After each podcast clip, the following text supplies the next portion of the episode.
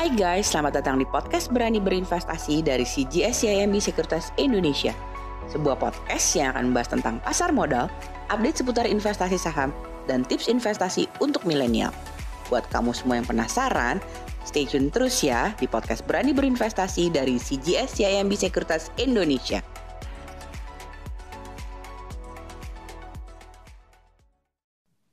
Hai guys, jumpa lagi di podcast Berani Berinvestasi bersama CGS CMB Sekuritas Indonesia.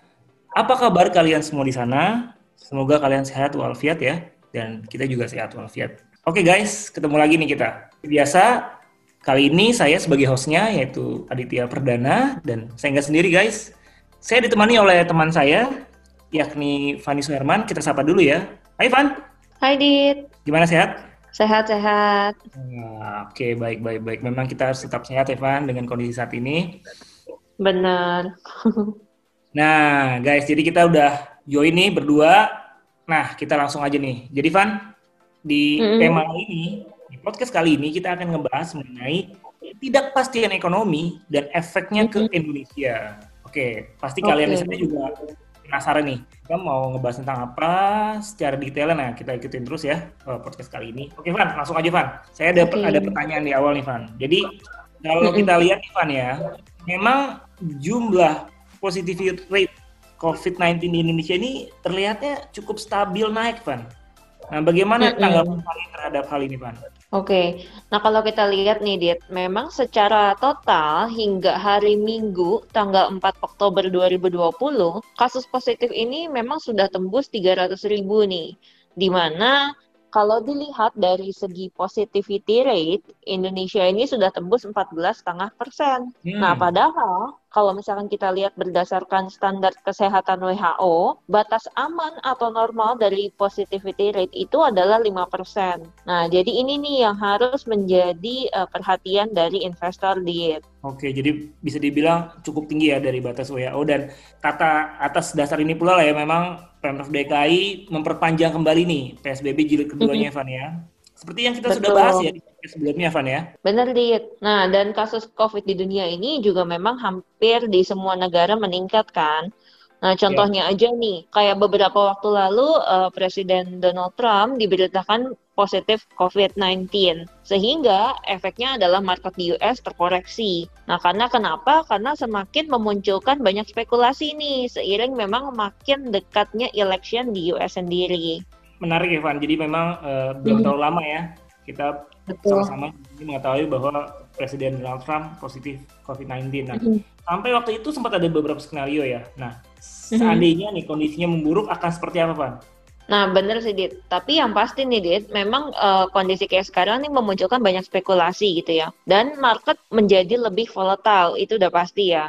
Nah, contohnya nih, ketika Presiden Trump dikatakan mulai membaik kondisinya, nah hal ini menjadi katalis positif sendiri nih untuk market. Dampak COVID-19 ini sendiri ke seluruh dunia akan seperti apa nih, Van? Secara ekonomi lah. Uh, untuk efeknya, sebetulnya di seluruh dunia ini rata-rata menurunkan suku bunga. Tujuannya untuk menambah likuiditas. Contohnya nih, di US, The Fed sudah pangkas suku bunga hampir 0%. Dan ini diprediksi bahwa The Fed masih akan mempertahankan suku bunga rendah hingga akhir tahun 2023. Hmm, oke okay ya. Jadi memang uh, suku bunganya akan rendah dan prediksi inflasi juga masih akan rendah, Evan ya? Benar, Lid. Nah, tapi sisi positifnya adalah dengan suku bunga yang rendah, biasanya nih investor akan mulai mencari nih kira-kira alternatif investasi apa sih yang bisa memberikan return yang lebih tinggi gitu. Oke, jadi kalau gitu bakal ada peluang inflow dong Van ya ke emerging market nih Van kira-kira Van?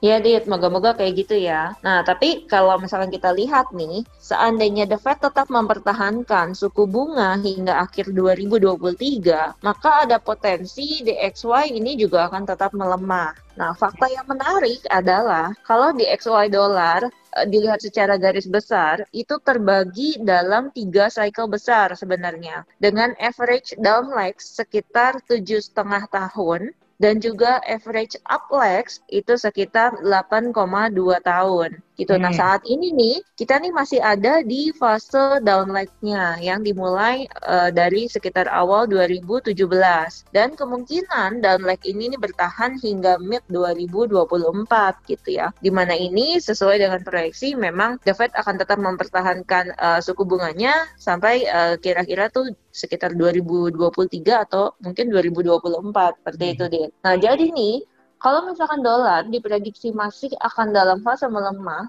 maka ini akan positif untuk emerging market. Salah satunya positif untuk Indonesia. Ya memang eh, dengan kondisi saat ini dan akhir-akhir ini kita memang sangat jarang sekali ya mendengar berita positif. Siapa analisa seperti apa yang bisa kita lihat, kita ambil. Mm -hmm. salah satu yang cukup menarik juga sebenarnya ya yang bisa jadi katalis Betul. positif pastinya Van untuk Indonesia. Nah, selain itu kira-kira ada nggak katalis positif lain Van yang memang cukup berdampak positif terhadap Indonesia? Nah, dengan banyaknya stimulus yang bertujuan untuk menopang ekonomi nih, seperti central bank banyak melakukan quantitative easing, nah maka government bond yield ini cenderung turun nih, Dit. Hmm. Nah, sedangkan kalau kita lihat nih dari historical, biasanya saat yield bond itu turun akan diikuti dengan kenaikan harga saham. Nah, Van, ada sedikit juga nih Van, uh, data nih Van ya. Pengen mm -hmm. juga nih Van. Jadi kalau kita lihat nih Van, jadi uh, based on uh, net sell asing ya di mm-hmm. pasar saham Indonesia nih di sekitar satu uh. miliar US dollar lah ya di bulan September nih. Jadi kalau dihitung nih yang tertinggi juga arus keluar atau outflow-nya sejak Maret 2019 nih Van. Kalau nggak termasuk merger and acquisition, penjualan bersih kumulatif sejak 2010 ini ada di angka sekitar 9 miliar US dollar nih. Kita bandingkan ya sebagai perbandingan nih data sejak 2010 itu asing tuh rata-rata keluar itu sekitar 2,8 miliar US dollar dan itu mm -hmm. time frame-nya itu sekitar 18 minggu nih. Nah, dengan arus keluar terbesar pada tahun 2013 itu sekitar 5,3 miliar US dollar, itu memakan waktu sekitar 29 minggu nih. Itu ada beberapa uh, apa ya, angka-angka yang di mana kalau saya lihat itu kan outflow semua nih Van ya. Nah, pengen tahu sih Van sebenarnya yang membuat asing itu jualan segede itu apa ya Van? Nah, maksud Adit mungkin uh, kalau misalkan dilihat nih kita bandingin antara tahun ini ya Dit ya, uh, hmm. untuk outflow-nya lebih besar nih dibandingkan dengan uh, tahun 2010 dan juga outflow di tahun 2013 gitu ya. Nah, yeah, yeah. Uh, kenapa bisa asing jualan segede itu? Jadi uh, pertama tuh asing melihat nih bagaimana sih Indonesia bisa menangani kasus COVID-19 ke depan gitu. Nah, hmm. pastinya hmm. kalau kita makin cepat bisa meredam uh, kasus ini, pastinya akan semakin baik nih. Contohnya, jika misalkan makin cepat diproduksinya vaksin, ini akan sangat positif untuk market. Kemudian yang kedua nih, Dit, uh, efek dari penurunan GDP di mana pada Turki 2020 ini diprediksi GDP kita akan negatif lagi. Nah, sehingga kalau misalkan negatif lagi, memang kita akan resmi memasuki resesi. Nah, ya. akan tetapi yang penting itu adalah bukan apakah kita resmi masuk resesinya atau uh, belum resesi gitu ya. Tapi ya. seberapa ya. dalam penurunan GDP kita nantinya. Hmm. Karena jika penurunan GDP nanti itu di luar dari ekspektasi, maka ini yang akan uh, sangat negatif efeknya ke market kita. Masih banyak ketidakpastian saat ini, Evan ya. Nah, mm-hmm. tentunya uh, penting nih uh, bagi pendengar dan pastinya sudah menjadi investor nih. Kira-kira apa yang bisa dilakukan oleh mereka nih Van dengan kondisi seperti ini hmm. pastinya biasanya nih oke okay. hmm. biasanya ya Dit kalau misalkan keadaan ekonomi itu penuh dengan ketidakpastian maka harga emas biasanya ini berpotensi untuk naik karena hmm. kenapa karena investor beralih ke safe haven gitu kan mereka menghindari resiko biasanya seperti itu oh, oke okay, betul jadi memang safe haven emas ya nah hmm. kalau gitu saham apa nih Van yang bisa diperhatikan oleh investor nih Van saat inilah ke depannya ada beberapa emiten nih yang memiliki bisnis emas ya. Contohnya yeah. kayak MDKA, kemudian ada United Tractor atau UNTR, dan juga ada Antam ANTM.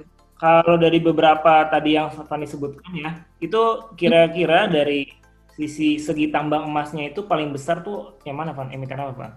Nah, kalau yang paling besar tambang emasnya itu adalah MDKA, karena dia tuh tambangnya uh, yang paling besar setelah tambangnya Freeport.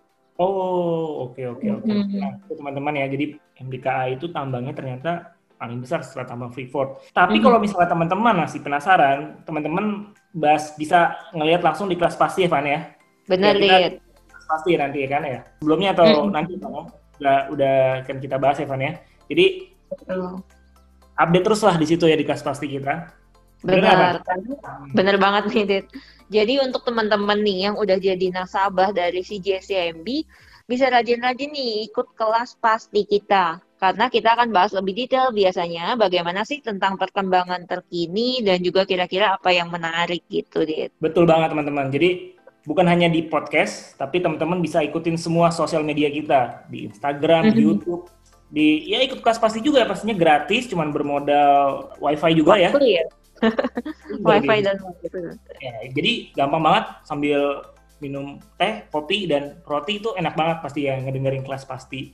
Dan teman-teman bisa juga mm -hmm. Buat teman-teman yang pengen lebih tahu lagi ya gampang banget Evan tinggal diulang-ulang aja, tinggal dengerin balik lagi di podcast kita kali ini biar teman-teman bisa dapat intisarinya juga Evan ya yang tadi mungkin uh, lupa ya bisa diulang-ulang aja lah. Nah tentunya saya terima kasih juga nih Van untuk waktunya dan atensi juga. Semoga podcast kali ini bermanfaat lah Van ya buat teman-teman yang menjadi pendengar dan tentunya bisa menjadi satu panduan dan pedoman juga Evan ya agar dalam berinvestasi memiliki cara dan jalan yang sesuai lah dengan kondisi saat ini Evan ya.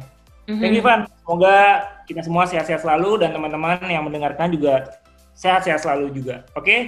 See you at podcast with CGS CMB Sekuritas Indonesia.